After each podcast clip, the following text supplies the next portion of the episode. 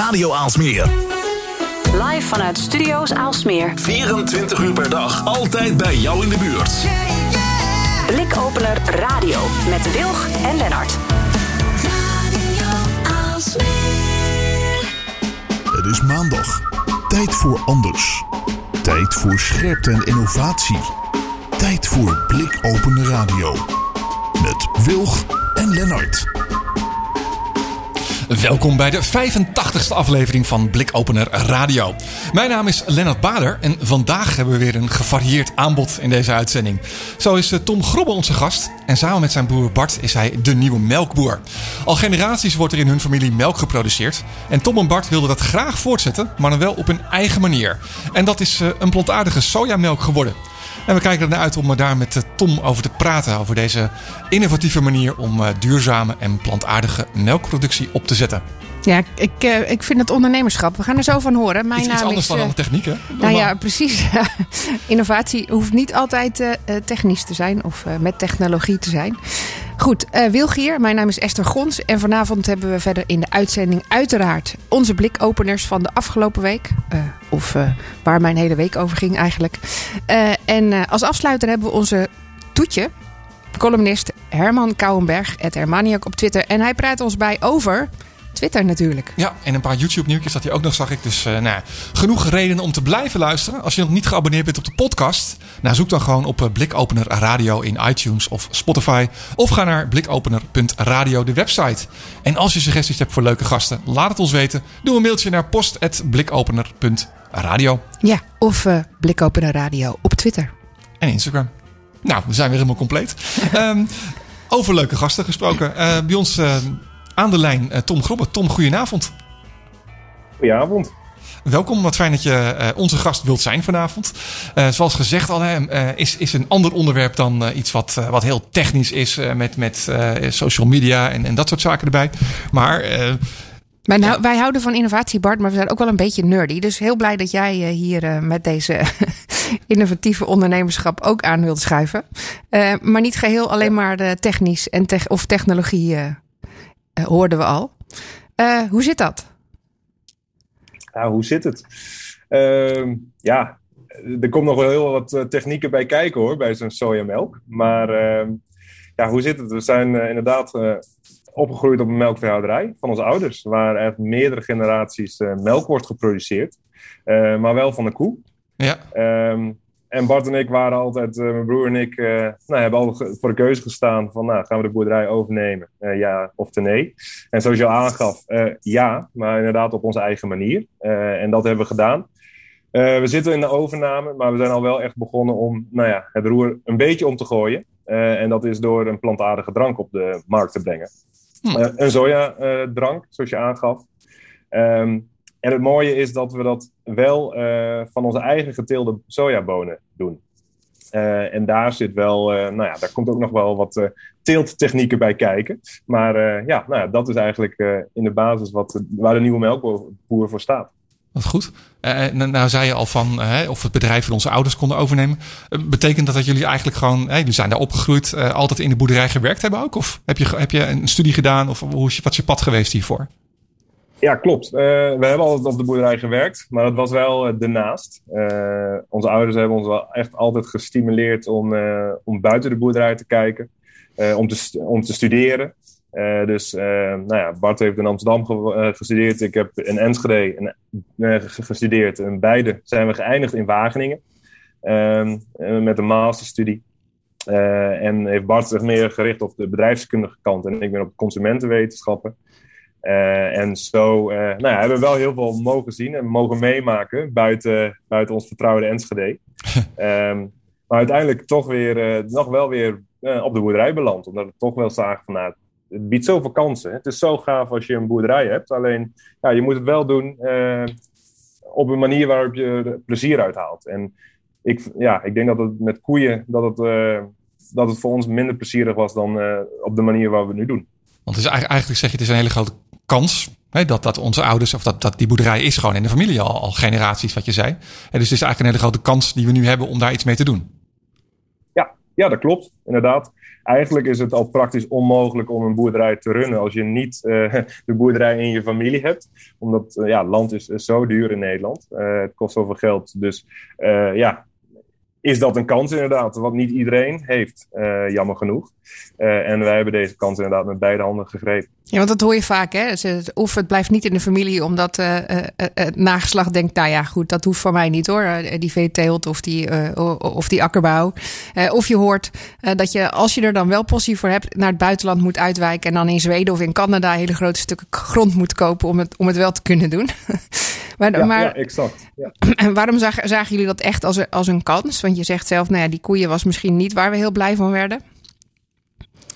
Nee, nou, het, ik denk dat het wel te maken heeft dat we allebei in, in, in de Randstad uh, hebben, hebben gewoond. Uh, in Bart in de Pijp. Nou ja, en daar, daar op een gegeven moment had je daar bijna elke week een vegan shop die, die, die daar uh, opende. Ja. Dus die zag, en, en zelf heb ik in Utrecht uh, gewoond. En nou ja, daar zag je wel echt die trend. Uh, in Twente hobbelen we in dat opzicht een beetje achteraan. Is niet erg, maar dat komt wat later. Maar we hebben wel in de Randstad van gezien hoe snel het gaat. En nou ja, dat het meer dan een trend is.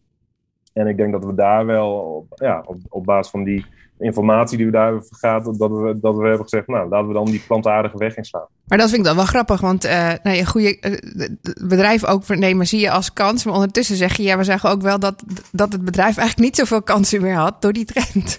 hoe, hoe, hoe besluit je dan ja, van, nou, nou goed, dan moet dat anders? Is, ja, dat is natuurlijk hoe je het bekijkt. wij zien het bedrijf inderdaad we zijn nog steeds melkmakers, hoe je het went of keert. Zo zien wij het. Uh, alleen we, hebben we geven een nieuw smaakje aan, uh, letterlijk en figuurlijk. Dus ja, als je het zo bekijkt, uh, denk ik dat we nog geen eens op een hele andere manier verder gaan. Alleen dat we het inderdaad niet met beesten doen. Maar goed, is, is dat in de, praktijk, in de praktijk ook net zo makkelijk om dat roer dan om te gooien? Van, van nou ja, ik, ik zie dat voor me, zo'n land vol koeien en zo'n stal met melkmachines. Uh, die elke dag opgehaald wordt door de, door de zuivelauto van uh, een van de grote Nederlandse uh, zuivelmaatschappijen.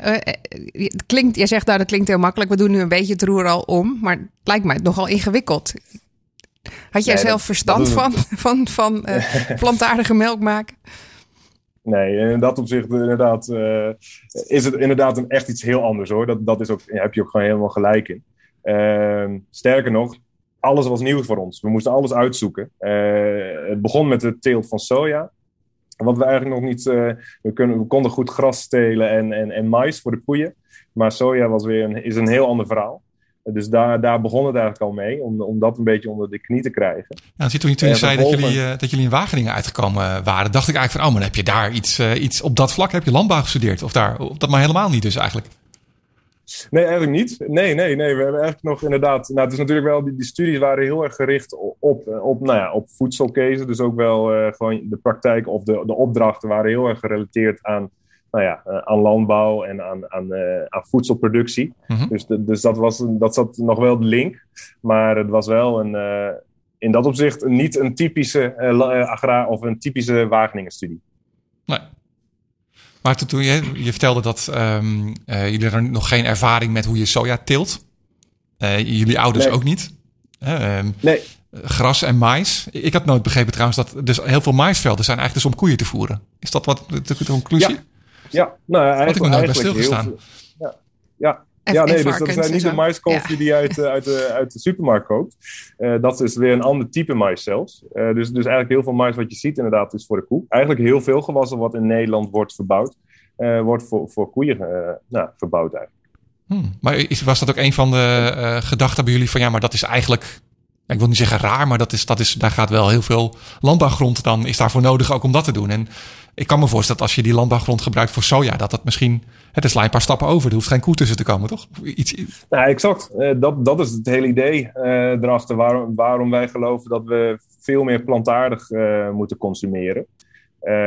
en daar ook zijn ingestapt. Je, je slaat gewoon, is qua energieverbruik is het gewoon veel efficiënter. En is het wat ons betreft ook echt de toekomst. Uh, er is echt nog wel, ik wij geloven ook wel dat er nog ruimte is voor dierlijke producten, maar het moet vele malen minder. Ehm, en juist voor de nou ja, stukjes land wat, wat minder geschikt is voor nou ja, bijvoorbeeld de teelt van soja of, of andere gewassen waar je direct kan consumeren. Nou, kun je die stukjes, uh, land, dat stukjes, land, of die stukjes land gebruiken voor, voor de koeien. Om op te grazen bijvoorbeeld. En de rest moeten we juist zoveel mogelijk plantaardige gewassen, of de gewassen die geschikt zijn voor plantaardige producten. Om die inderdaad op, op die manier veel efficiënter uh, je voedsel om te zetten.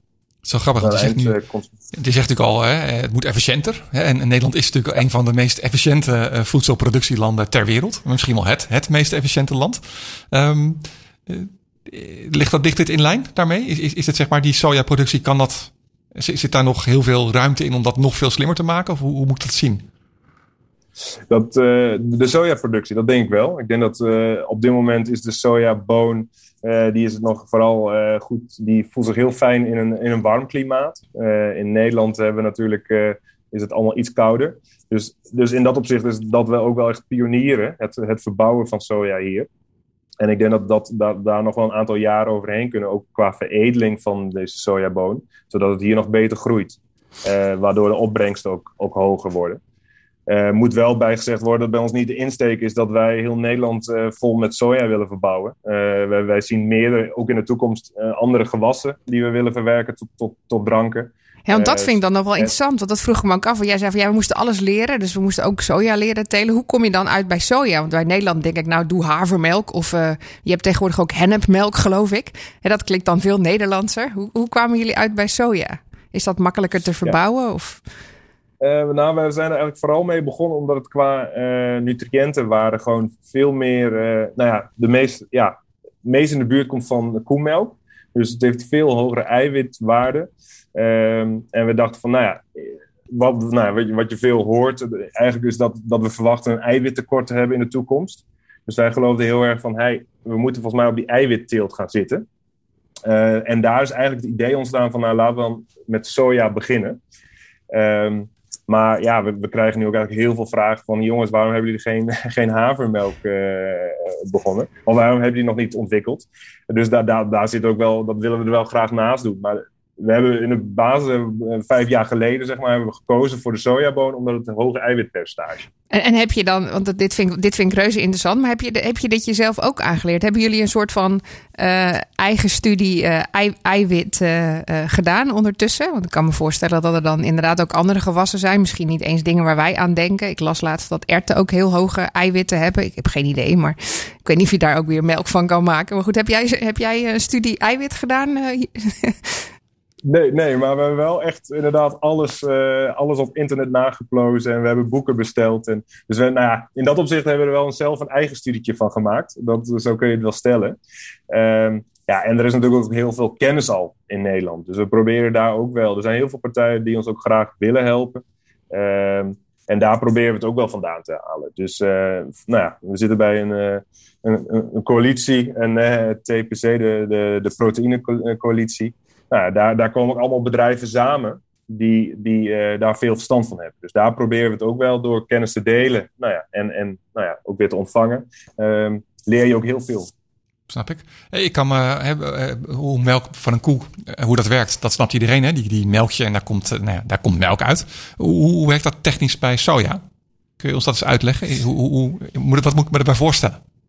Ja, uh, eigenlijk is het heel makkelijk. Uh, je kunt het eigenlijk, uh, als je een staafmixer hebt thuis, dan, dan, dan, kun je het ook. Want het is, je hebt de sojaboon, die, die week je met water.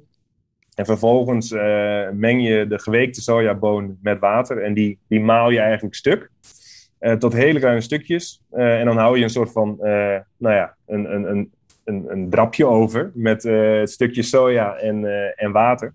En als je dan die stukjes eruit uh, zeeft, dan hou je eigenlijk in de basis al sojamelk heb je dan al. Nou ja, en dan kun je nog aan heel veel, daar zijn we in de, in de loop van de tijd achtergekomen, dat je dan nog aan heel veel dingen kunt draaien om de smaak te optimaliseren. Maar in de basis is het echt de sojaboon eigenlijk met water malen en de stukjes soja eruit zeven. En hoe groeit die boon? Wat moet ik me daarbij voorstellen? Ik, om, uh, meer van, een... om een idee te hebben hoe makkelijk je dat kan oogsten. Is dat, is dat vergelijkbaar? Waar kun je het mee vergelijken? Um, je kunt het vergelijken. Eigenlijk, ze, ze oogsten met dezelfde machine als, uh, als graan. Dus is een combine. en ja, de, de sojaplant is een plant met, met peultjes. ja, ik had altijd, heb altijd gedacht dat hij een beetje op zo'n zo'n spersiebonen of, of, of peulenplant lijkt, zeg maar. Ja, nou, daar heeft het wel iets van weg. Daar lijkt het eigenlijk heel erg op. En je hebt dan eigenlijk een machine uh, die ze kan oogsten en die haalt eigenlijk alles eraf. Uh, dus ook de peul. En die haalt alleen de boontjes, uh, nou ja, houdt hij eigenlijk over. En de rest gooit hij weer terug op het land.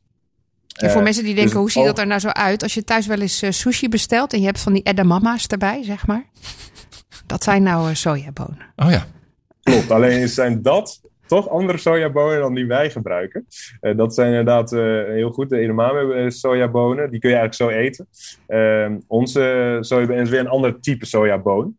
die je ook nog weer wat langer laat drogen. En, en beter geschikt is voor, voor koemelk. Of koemelk zeg ik, voor sojamelk.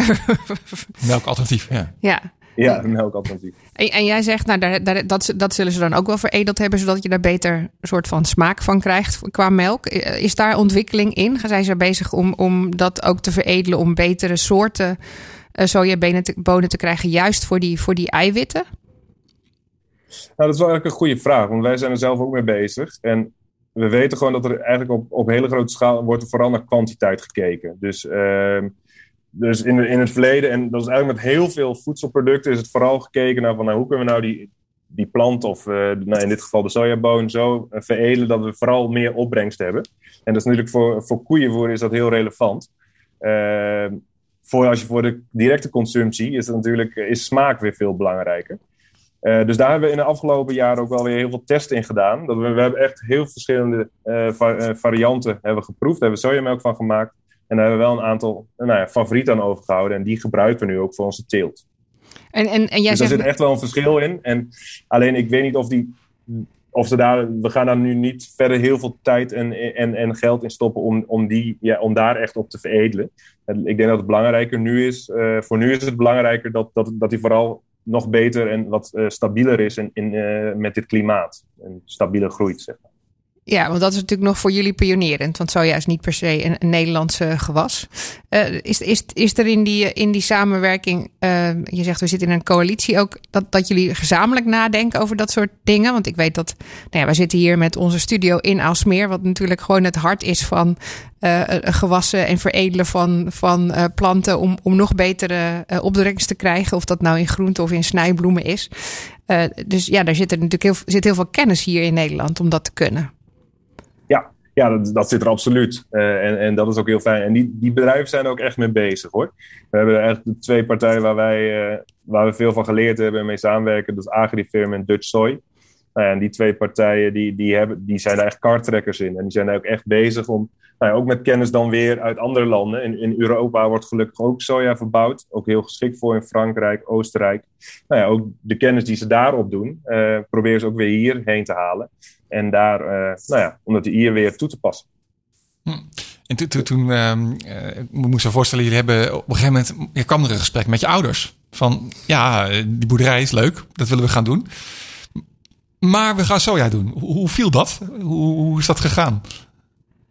Um, nou, eigenlijk is dat uh, wel, uh, wel een redelijk goed, makkelijk gesprek geweest. Uh, het is namelijk zo dat, ja, we hebben heel veel plannen gehad wat, wat we wilden gaan doen met de boerderij. dus in de eerste instantie was het wel een beetje zo van, ja jongens, leuk, prima. soja, we gaan het doen. Maar omdat we een beetje sceptisch waren ze. Maar op een gegeven moment toen het allemaal wat serieuzer werd. En we hebben inderdaad echt toen een eerste halve hectare soja ingepoot. Uh, en toen het allemaal van de grond kwam en we kregen ook positieve reacties. Toen uh, begon het ook bij hen wel een beetje te dagen. Oeh, dit, wordt wel, dit is wel echt serieus. maar ja, ze hebben ons daar altijd wel in, in gesteund. En altijd wel, uh, ja, eigenlijk altijd 100% achter gestaan. Mooi. Maar, maar betekent dat, want jij zei van ja, we doen een beetje het, het, roer om. Betekent dat dat er nog koeien tussen die sojabonen lopen? Dat je, dat je een mix hebt? Of, of ben je in één keer omgegaan? Uh, nou, we, momenteel hebben we nog de koeien. Uh, uiteindelijk is het ook nog een gedeelte van, van ons inkomen. Dus we hebben het ook echt nog nodig. Uh, kijk, in de toekomst, wij, wij geloven dat we in ieder geval minder koeien mogen hebben in Nederland. Uh, daar, daar, daar geloven we in. En ja, wij, willen of we gaan het voorbeeld geven, dat je de combinatie, dat die heel goed kan. Um, of we gaan zeggen, jongens, dan moeten andere boeren de, de koeien maar melken. en gaan wij ons vooral volledig focussen op, op de sojateelt. Of, of nou ja, plantaardige dranken produceren. En daar ook voor plant, planten voor telen. Um, Alleen ja, dat is voor ons nog wel een zoektocht. En we moeten eigenlijk in, in de basis moeten we eigenlijk nog eerst bewijzen dat het ook uh, echt uh, winstgevend is. Want het is nu steken, we hebben nu vooral heel veel geïnvesteerd. en nu is het vooral heel hard werken om, om, om te laten zien van jongens, kijk, dit kan gewoon. We kunnen gewoon plantaardige dranken van Nederlandse gewassen maken. Nou, en als dat zover is uh, en we kunnen het echt bewijzen, dan, dan staat de kans ook wel gewoon, is het best wel aannemelijk dat we zeggen, nou jongens, laten we ons dan vooral focussen op wat we nu uh, de afgelopen jaren heel goed, uh, nou ja, wat we geleerd hebben. En daar ook verder borduren. En laten we andere boeren die inderdaad heel veel passie hebben voor dieren, uh, nou ja, dat maar voortzetten. Maar dat is dan wel interessant, want je hebt het omgegooid, je hebt heel, heel veel geïnvesteerd. Geïnvesteerd daar. Je zegt, nou, we zijn begonnen met die sojabonen, bonen, dat snap ik, die staan op een land. Ik begrijp dat je ook zelf oogst, want je kan er met een combine overheen, dus dat is een beetje hetzelfde. Um, mm-hmm. Maar de volgende stap is, uh, ik kan me zo voorstellen dat er bedrijven zijn die dan van die sojabonen die melk maken. Maar hebben jullie dat dan zelf in productie? Maken jullie zelf die melk van die bonen? Want dat ja. is weer Ja, een dus- volgende stap aan investering en, en dingen die je moet doen. Nou, dat, dat was de allergrootste uitdaging voor ons. Uh, want eigenlijk ehm is, is, nou ja, maakt het ons ook direct uniek. Maar je hebt dus inderdaad de, sojaboon. We hebben eerst gekeken van, moeten we misschien niet gewoon een partij vinden die ons daarbij kan helpen uh, en het eerst uit handen neemt. Maar die, die zijn er op dit moment niet. Uh, er zijn geen partijen die op middelgrote schaal een, een, een, nou ja, plantaardige drank uh, kan maken. Onze hele industrie is eigenlijk erop gericht om van een melk een eindproduct te maken. Dus een, een vla, een yoghurt, noem maar op. Uh, maar melk, plantaardige melk maken, dat, dat, die zijn er nog niet. Dus dat is echt, we hebben daar heel veel tijd en energie in gestoken om te kijken van, hey, met welke machines kunnen wij dan wel die uh, plantaardige drank maken die we willen?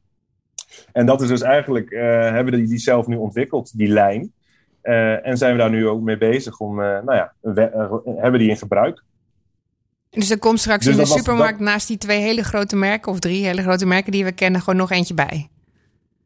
Dat is wel uh, de insteek, uh, ja, absoluut. Ja, dat hoop ik wel.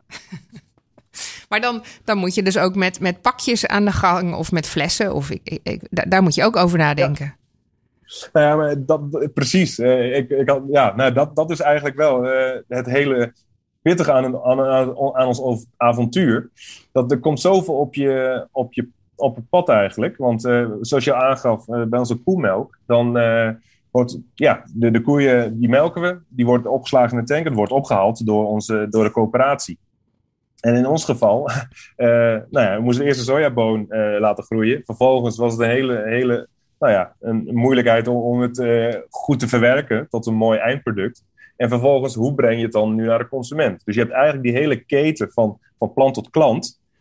die, ja, al, al, die zaken die daarbij komen kijken, die, die liggen in één keer op je schouders. En daar, daar daar kwam, nou, dat is echt heel veel uitzoeken. Ja, de distributie. En, uh, wil, je, wil je wel of niet? Uh, dus ik kan me ook voorstellen dat je daarna moet denken: wil ik een pakje of wil ik weer terug naar de fles? Want dan moet je ook nadenken over hoe sustainable je wil zijn. Ja, exact. Ja. Uh, dus, dus daar komen inderdaad heel veel kwaliteitseisen bij kijken. En dan tegelijkertijd ook van, nou, wat is dan de juiste richting? En dan is het heel en dan is het ook nog inderdaad is het heel moeilijk om de juiste keuze te maken. Want uh, zoals heel veel mensen hebben gezegd, jongens, ga voor glas. Dat, wordt heel vaak gevraagd van ons. Van jongens, jullie moeten toch wel uh, glazen flessen gebruiken. Terwijl als je dan weer in gaat verdiepen, want je wilt daarmee bezig zijn, dan, dan kom je tot de conclusie dat je eigenlijk beter weer plastic kunt gebruiken. Dan dat je uh, glazen gaat hergebruiken, wat veel meer energie kost. Hmm. Dus, dus je, als je, dan ga je vervolgens weer het goed doen door het erin verdiepen. En dan kom je in één keer weer achter dat, dat het soms weer helemaal anders ligt. En dat maakt het heel complex. Maar ook heel leuk tegelijkertijd. Ik kan, zeggen, ik kan me voorstellen dat het juist ook een leuke uitdaging is natuurlijk. Maar, maar als je, hey, jullie nu nog een soort combinatie doen, hoe ziet, hoe ziet jullie dag eruit? Want ik, ik kan me voorstellen, koeien die moeten op tijd gemolken worden. Hoe, hoe gaat dat? Is dat iets ja, wat jullie zelf uh, doen? Of is dat, hoe gaat dat? Ja, maar we hebben een luxe. Uh, tegenwoordig heb je dus een melkrobot. Dus uh, dat is een, een, een, robot die, die de koeien melkt, 24-7.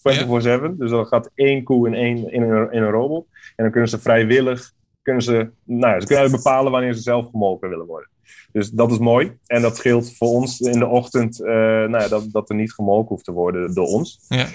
maar wel, we proberen wel ehm, de, nou ja, ons steentje bij te dragen. Dus eigenlijk begint de ochtend altijd op de melkveehouderij. door het eerste rondje voor het ontbijt tussen de koeien. En na het ontbijt ligt de focus op de nieuwe melkboer. Mooi. Hoe, hoeveel koeien gaat het om ongeveer? Wat moet ik me daarbij voorstellen? Uh, over, uh, nou, in, in, bij de melkboeren praat je in termen als uh, eh, 75 melkkoeien. Dus de koeien die je daadwerkelijk melkt. Ja. Ehm, dat is de grootte van het bedrijf, zeg maar. En dan heb je eigenlijk, nou, daar, daar zit dan jong vee bij. en dan kom je ongeveer op, op een grootte van 104 koeien. Zoiets. Wauw. Maar dat is dus wel, wel, wel grappig, want het is natuurlijk een hele, je kan het niet vergelijken. Je kan niet zeggen, nee, die hoeveelheid melk die ik van koeien heb, hoe vervang ik dat door sojabonen? Want die melk die komt elke dag, maar die sojabonen die duren even voordat die gegroeid, zijn, gegroeid zijn. Hoe, hoe, hoe, ja, dat is dan, hoe kan je dat achter elkaar ook zo laten zijn? Ja, ja, nou, dat, dat uh, is, is sowieso uh, wel, wel lastig. Want ja, als je kijkt naar hoeveelheden melk we produceren. Dus, zoals je al aangaf, we zijn in Nederland super efficiënt in het produceren van melk. Uh, nou ja, dan moeten wij nog heel hard werken voordat we dat in, in sojaliters willen wegzetten. Dus, dus daar zit nog wel uh, heel veel werk aan de winkel om dat, om dat zo op die, op die schaal naast te zetten. Ah, interessant. Hey, en en uh, volgende gewas, want je hebt iedere keer als je het over soja hebt, zeg je heel snel ook andere gewassen. Ben je, ben je op zoek naar iets uh, of ergens ja, mee bezig? Geval, uh, ja, we hebben in ieder geval een havermelk zijn we echt mee bezig om die te ontwikkelen. dus daar, zijn we, daar hoop ik echt dat we ook dit jaar daar, dat we die kunnen lanceren. Daar heb ik ook alle vertrouwen in. En daarnaast hebben we ook wel al testen gedaan, in ieder geval met het groeien van lupine en, en veldbonen. Wat vroeger eigenlijk al heel goed groeit hier in Nederland. Um, alleen ja, qua smaak is dat nog wel een iets grotere uitdaging. Dus dat, dat zal toekomstmuziek zijn. Maar we zijn in ieder geval wel mee bezig om daar al de eerste testen qua nou ja, de teelt, zeg maar, dat we daarmee aan het testen zijn. Dus, ja. dus er zit nog veel in de pijplijn. Uh, maar lupine zijn die bloemen die ik ook in de tuin heb, toch? Ik dacht altijd dat die giftig waren, maar blijkbaar nee, niet. Nee, de lupines zijn heel mooi. Zijn inderdaad hele mooie bloemen. Die kun je veel beter in de tuin hebben dan een sojaplant. Eh. Tof. Hey, en, uh, en, en als ik nou uh, jullie uh, eerste soja-drankje wil, kan, kan dat hier in de Randstad? Of moeten we daarvoor heel ja, ver rijden? Nee, nee, sterker nog, ik denk dat wij de meeste, meeste van onze producten gewoon afzetten in de Randstad. Want daar is toch wel de meeste vraag al. dus ja, tegenwoordig liggen we in ieder geval bij Crisp. dat is een online supermarkt. is het te koop. En daarnaast zijn we ook inderdaad bij Focusfeel. hebben dus een, een, in, in de pijp, een supermarkt, vegan fresco. Dus er zijn echt wel wat partijen in, in, in Amsterdam al waar het te koop is. En ik hoop straks als de horeca open gaat, dat we weer, nou ja, dat we daar ook bij veel, in veel cappuccino's terechtkomen. Oh ja, en, en vraag ik dan om een, een grobbercino of, of hoe heet dat dan?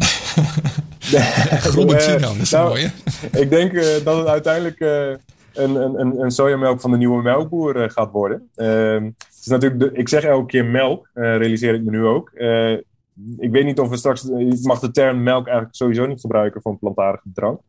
Um, maar ja, op onze verpakking gebruiken we daarom ook eigenlijk niet een, een zuivel uh, gerelateerde term. Dus we hebben gewoon soja, punt, op de verpakking staan. Ja. En we verwachten dat mensen die uh, de, nou ja, zien, dat, die zien wel dat het een soort van melkachtig product is. Dus, hetzelfde wat je hebt met, met margarine en zo, toch? Met boter op je. Iedereen in de volksmond heet het gewoon boter op je brood. Maar dat, dat, dat staat nergens op. Het is een smeerbaar product voor op je brood of zo. Ja, maar het is natuurlijk ook vooral een, eh, een discussie volgens mij nu met vlees. Hè? Dus uh, dat was met die, uh, die vegetarische slager die een aantal rechtszaken aan zijn broek heeft gekregen vanwege de kipstukjes en de spekjes met CK. Uh, die die maakte en niet langer mo zo mochten heten. Dus volgens mij is dat met melk ik doe nu hele grote aanhalingstekens. Ja, melk met CK weer gewoon dan. Is dat, is dat ook zo? Ja. ja. Maar dat mag dan precies. ook niet, geloof ik. Dat, dat mag niet. Zuivels, uh, melk mogen we sowieso niet zeggen. En in de toekomst uh, zijn ze zijn nu zelfs bezig met een... Uh, met Europa, de lobby is bezig omdat ze bijvoorbeeld uh, zuivel ook niet meer in een pak mogen, of plantaardige zuivel niet in een pak mogen verkopen. Dus ze zijn daar eigenlijk heel erg aan het lobbyen om, nou ja, om eigenlijk een beetje de plantaardige uh, initiatieven nou ja, in, in, de weg te lopen, eigenlijk, in de weg te zitten. Heel apart. Ja. Uh, ik zie het een beetje als ja, uh, een zwakte. Als je zo uh, andere nou, partijen in de weg gaat lopen. Ja, maar, soep zit ja, ook in een pak. Dus ja, ik weet het niet. Nou ja, daarom. Ik, ik, ja. Maar goed, ze, ze claimen het wel. En het is een serieus iets waar ze, waar, waar ze mee bezig zijn eh, nu bij, en waar ze over eh, hebben. Ja, wat een gespreksonderwerp is bij eh, de Europese Unie nu. Ja, dat moet je dus ook allemaal in de gaten houden. Dat moeten we zeker in de gaten houden, ja. Want nou, het schijnt nog wel dat je een redelijke claim aan de broek kunt krijgen als je dat niet helemaal goed eh, uitvoert. Nou goed, in, de, Ehm. in de wijn is er ook een nieuwe ontwikkeling. Hè. Je hebt tegenwoordig, eh, eh, je had al van die kartonnen, eh, vier, van die kartonnen dozen waar een zak in zat met zo'n kraantje eraan voor de wijn. Inmiddels is er ook een kartonnen fles waar een zak in zit voor je wijn om hem milieuvriendelijker te maken. Wellicht is dat dan nog een ideale oplossing. Ik ga het opzoeken. So, sojawijn of zo. Ja. Maar dat is zonder alcohol. Hmm. Nee, dan, Ja. dan is plant, plantaardige drank misschien wel een goede, een goede samenvattende term inderdaad. Ja, precies. Eh, eh, nu van eh, soja, ooit haver, lupine en, en wellicht eh, hennep nog als eh, Nederlandse optie. Nou, wellicht. wellicht. Ja, we moeten, het, het- het- we moeten daar gewoon mee gaan testen. En als je er een heerlijke plantaardige drank van kunt maken, dan eh, sta ik er altijd voor open. Denk je wel voor te porren. Van Nederlandse bodem. Ik zie het helemaal als exportproduct. Zeker. ja. Tom, als mensen meer over jullie willen weten, waar kunnen ze online terecht? Op eh, de website www.nieuwemelkboer.nl. Eh, daar kun je eigenlijk veel meer informatie over ons vinden. Eh, en ja, we zijn natuurlijk op de social media kanalen zijn we ook te vinden. Eh, dus ja, mocht je niet meer, eh, meer informatie willen, dan kun je daar naar kijken. Hartstikke goed. Hey, dankjewel voor je interessante bijdrage vanavond aan onze uitzending.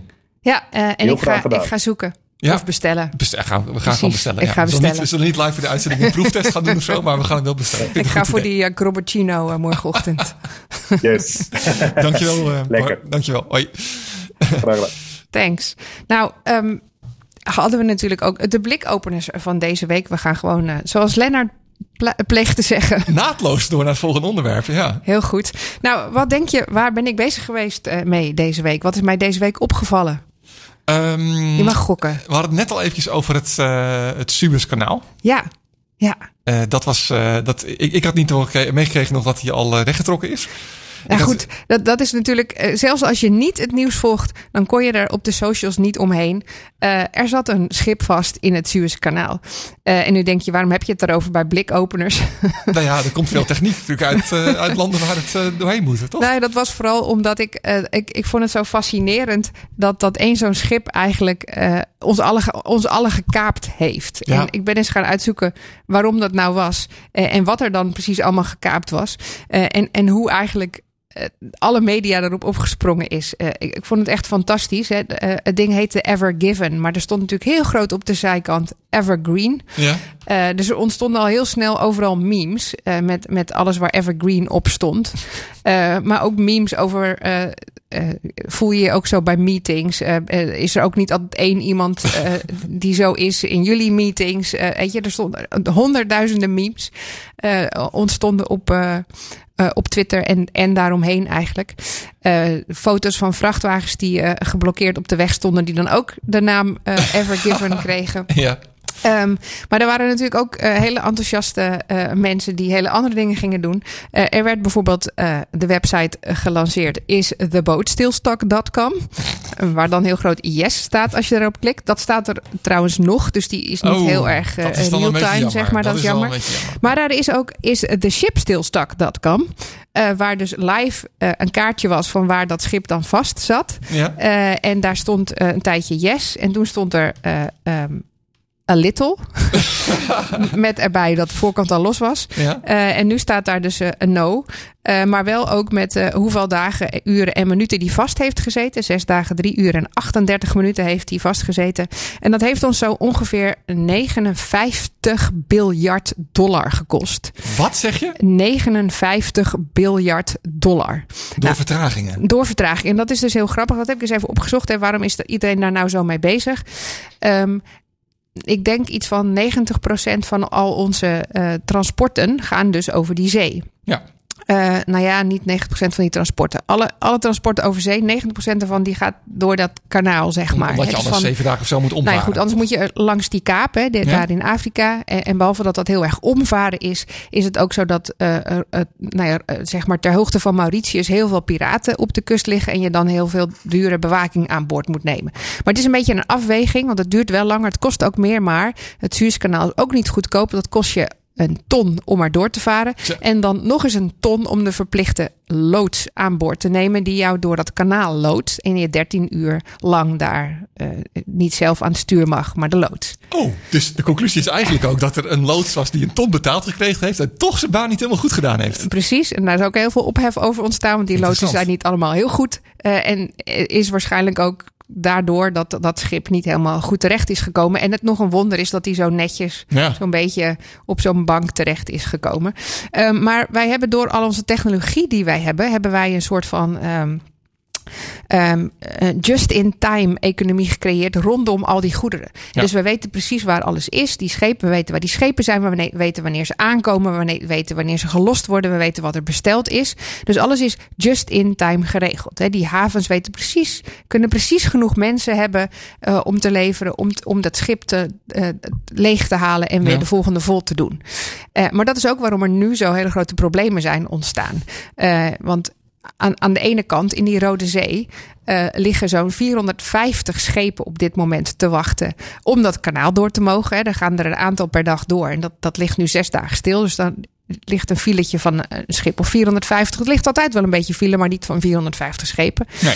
Ehm, en dit is dus iets wat, eh, behalve die 59 biljoen die het gekost heeft nu van, van eh, dingen die niet aangekomen zijn, of eh, nog erger, eh, eh, livestock. ja. Eh, nou, niet alleen bedorven. Er gaan, om bederving te voorkomen, gaan er levende dieren op die schepen. Hmm. Dus er liggen nu schepen met levende dieren die geen voedsel meer hebben, want ze hebben precies genoeg voedsel aan boord om die beesten tot de andere kant te laten gaan. Dus die moeten nu allemaal Just in time, just enough. Afgemaakt worden.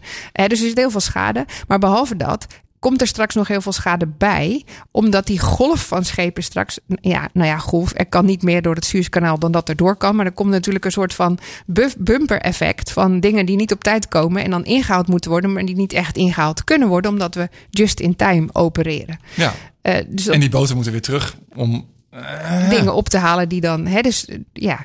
Eh, maar we blijven natuurlijk met z'n allen heel leuk online bestellen. Dus daar, daar zit een beetje een, eh, het ding waarom het zo'n groot probleem is geworden. En waarom iedereen daar nu over praat. Maar het, het beïnvloedde zelfs ook de olieprijs bijvoorbeeld. Eh, want de olieprijs ging omhoog, omdat er dan schepen met olie stil lagen in die Rode oh, Zee ook nog. die niet de andere kant op konden. Eh, nou ja, die gaat nu weer iets naar beneden, omdat het nu weer los is. Maar de vraag is hoe snel dan die olie naar de andere kant is. Ik vind het wel frappant dat eh, in een, eh, een jaar waarin alles eigenlijk zeg maar zo op de proef gesteld wordt.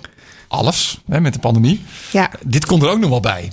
Weet je, dat, maar het, het, lijkt alsof zeg maar, op een of andere manier... ehm, ja, dat al, alles wordt nou ja, letterlijk op de proef gesteld. Van, hè, hoe, alle afhankelijkheden van dingen, of alle dingen die we voor granted, hè, voor, voor, eh, voor, voor normaal aannamen, zeg maar, die, ja, dat is niet meer zo. nou, het, het, het grappige is dat Zo voelt het een beetje. Zo voelt het wel een beetje, maar misschien is het wel omdat deze pandemie eigenlijk, eh, of de COVID, eigenlijk aantoont dat we alles door misschien wel technologie zo ontzettend eh, efficiënt hebben geoptimaliseerd dat Ja. er geen rek meer in zit. Ja. En dus als er zoiets als COVID gebeurt of zo'n schip dat vast komt te zitten, dan is er niet goed genoeg flexibiliteit door die just-in-time, doordat we alles weten, om dat op te kunnen vangen. Dus we zijn eigenlijk met z'n allen rechtop gaan staan, waardoor we omvallen als er iets tegen ons aanstoot, in plaats van dat we nog een beetje ruimte hebben om door die knieën te gaan. eh, Een beetje in sporttermen. Maar dat is eigenlijk wat er, wat er gebeurd is en waarom dit ook zoveel problemen oplevert. Maar het grappige is dat we wel allemaal de tijd hebben om daarover na te denken. Ja. Dus ontstaan er dingen als de ship is, stil,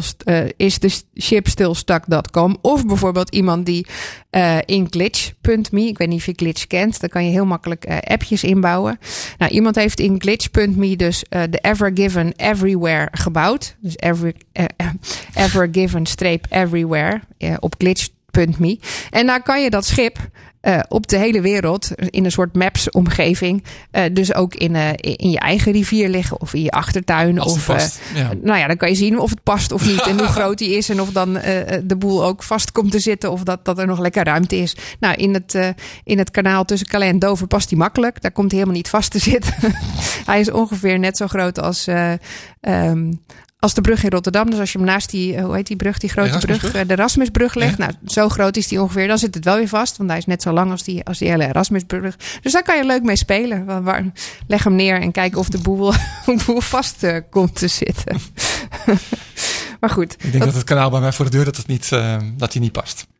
Ehm, nee, in de lengte wel, maar dan zit hij misschien aan de zijkant vast. Ja, Want hij was nogal breed, geloof ik. ja, Ja, er zaten ook echt belachelijk veel containers op. ja. Ik weet niet precies wat erin zat. Eh, overigens zijn daar mensen ook eh, over aan het nadenken. Uiteraard is heel QAnon daar opgesprongen. eh, en die zijn ervan overtuigd dat er Oh. kindslaafjes van Hillary, Hillary Clinton in zitten. Ah, logisch. Een logisch. containerschip vol. Ja, precies. Ja. ja.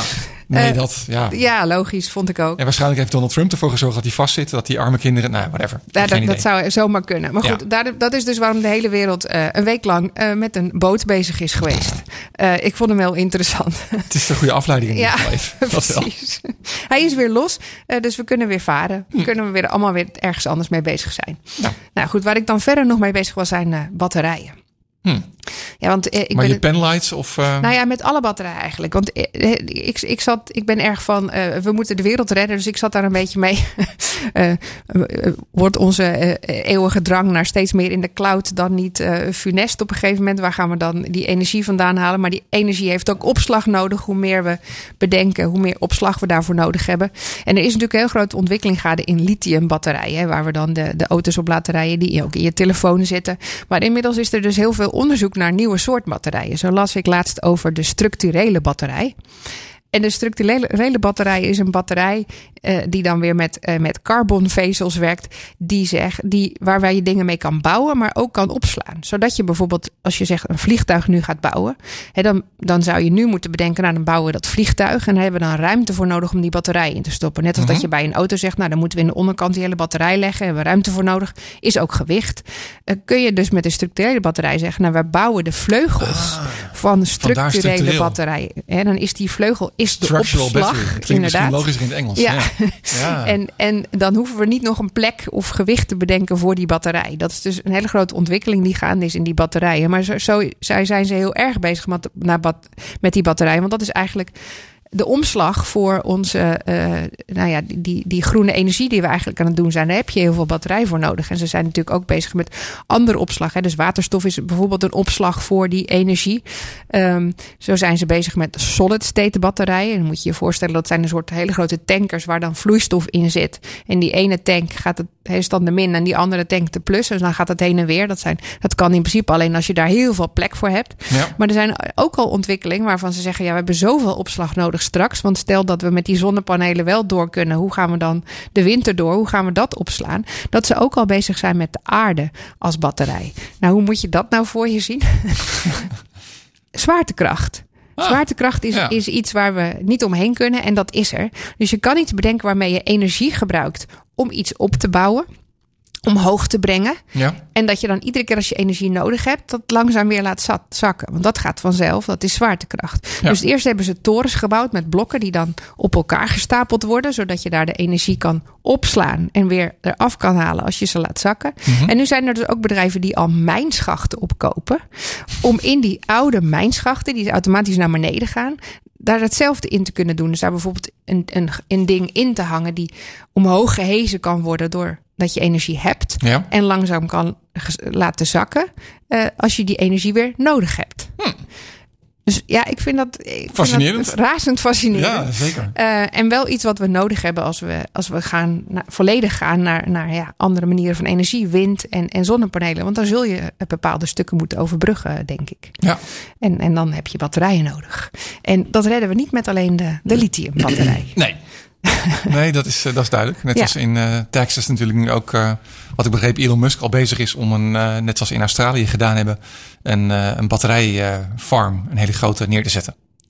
Vrij- Met, met een heleboel. ja. Maar dat zijn dan nog de lithiumbatterijen waarschijnlijk. Ja, ja, waarschijnlijk. Ja, en daar zijn ze natuurlijk ook al mee bezig van hoe maken we die nou en milieuvriendelijker. Dus hoe stoppen we daar nou minder dingen in als kobalt. Hè? Ja, Die zat ergens Moeilijke metalen, edeldingen. Ja. ja, die, die al bijna op zijn. En hoe kunnen we daar nou veel beter mee omgaan?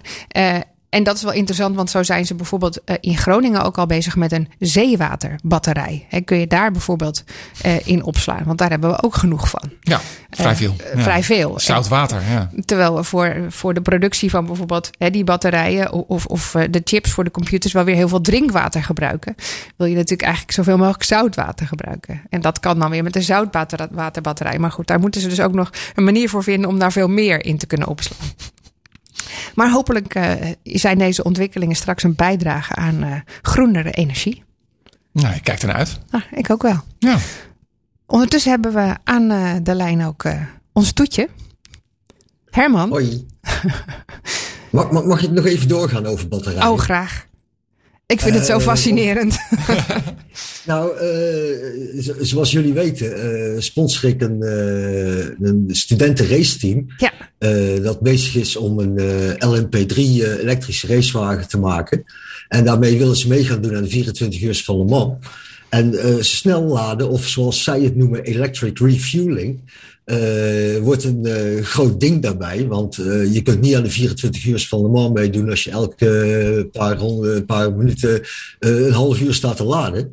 Dus zij, ze willen in 2023 eh, willen ze elektrisch opladen, terugbrengen naar twee minuten. Dat, dat, is, dat is de uitdaging.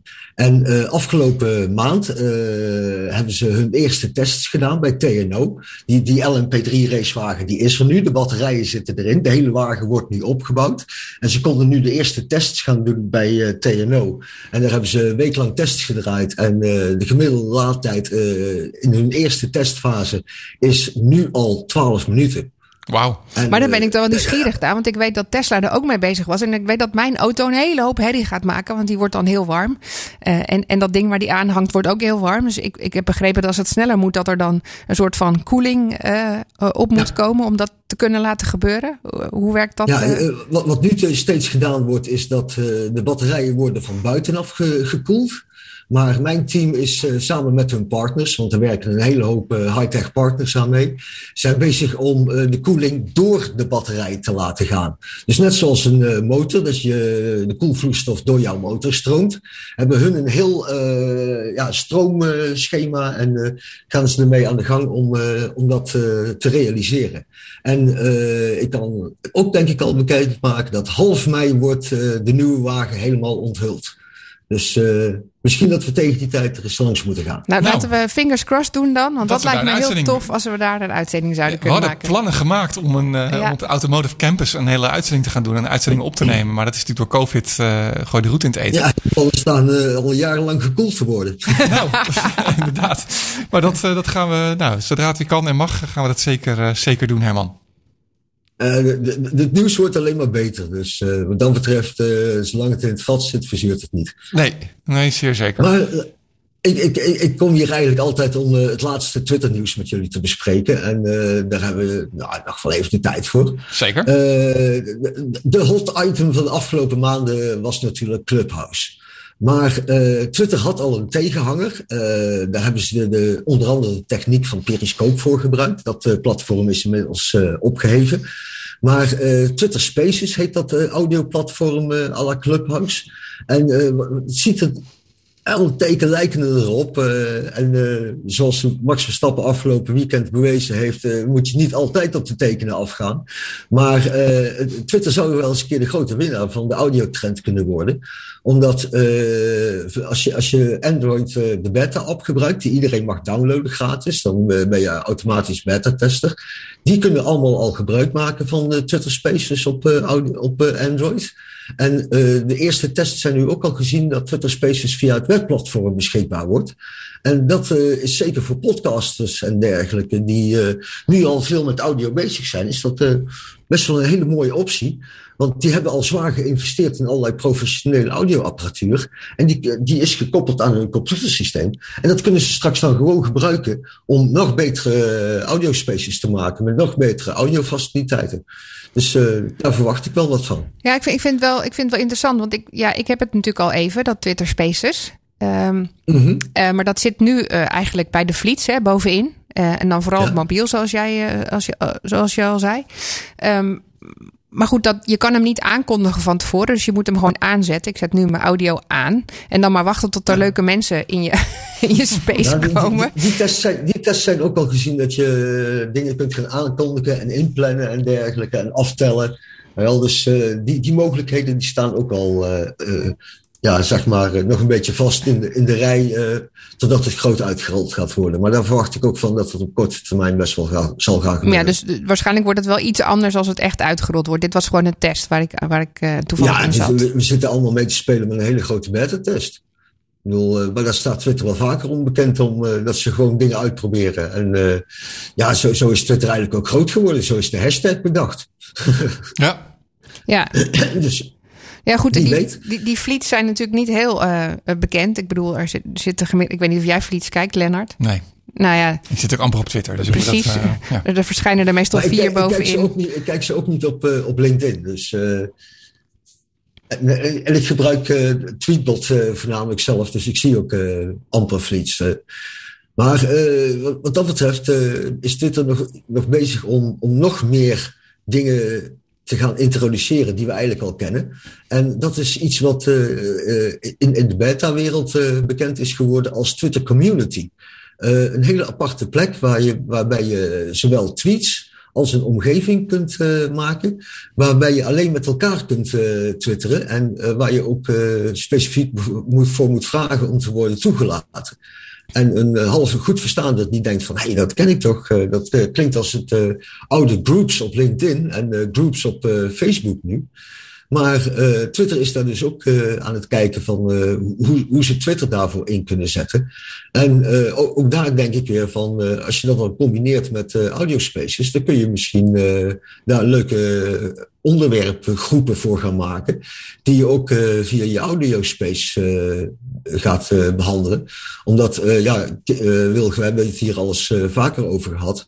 En het, het idee van veiligheid, uh, die uh, bij audiospaces helemaal, ja, die helemaal kwijtraakt uh, als ze niet goed gemodereerd wordt. Die, die kun je op die manier natuurlijk ook weer een beetje gaan beter borgen binnen het systeem. Als je een community opzet, waar sowieso al richtlijnen voor zullen gaan gelden, dat je daar je audiospaces beter in kunt kwijt kunnen. Ja, dus eigenlijk krijg je dan een soort list, maar dan um, dat zijn dat de mensen waar je alleen mee kan praten. Ja, ik vind, het leuk dat je dat zegt, want die vergelijking was bij mij uh, ook al naar boven gekomen. Wel, dat zou ook misschien wel eens een keer uh, de, de, de zoveelste wederopstanding van Twitter-lijsten kunnen worden. Uh, of, of lists, zoals jij het zegt. wil Twitter-lijsten zijn al manieren om mensen samen te voegen binnen één timeline, zonder dat je ze direct hoeft te gaan volgen.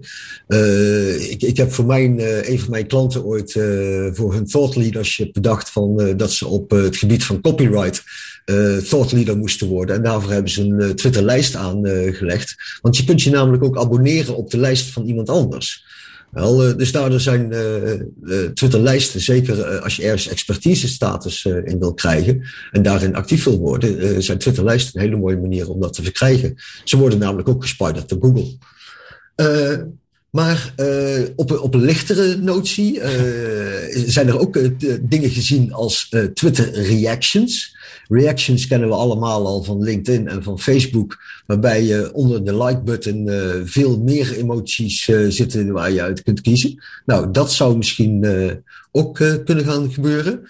Uh, daarnaast uh, zijn er uh, tests gezien waarbij de DM's van Twitter doorzoekbaar gaan worden. In eerste instantie alleen op username als je een hele hoop DM's hebt. En zeker wie direct messages zakelijk inzet, kan daar nogal een lijst van opbouwen. Maar straks ook op onderwerp en keywords en dergelijke. Dus krijg je ook uitgebreid zoeken binnen Twitter DM's. Uh, en als laatste van de nieuwigheden die gezien zijn, en dit is eigenlijk een soort terugkeer naar hoe het ooit was. Want uh, YouTube-video's die uh, kun je voor het inline binnen Twitter rechtstreeks afspelen.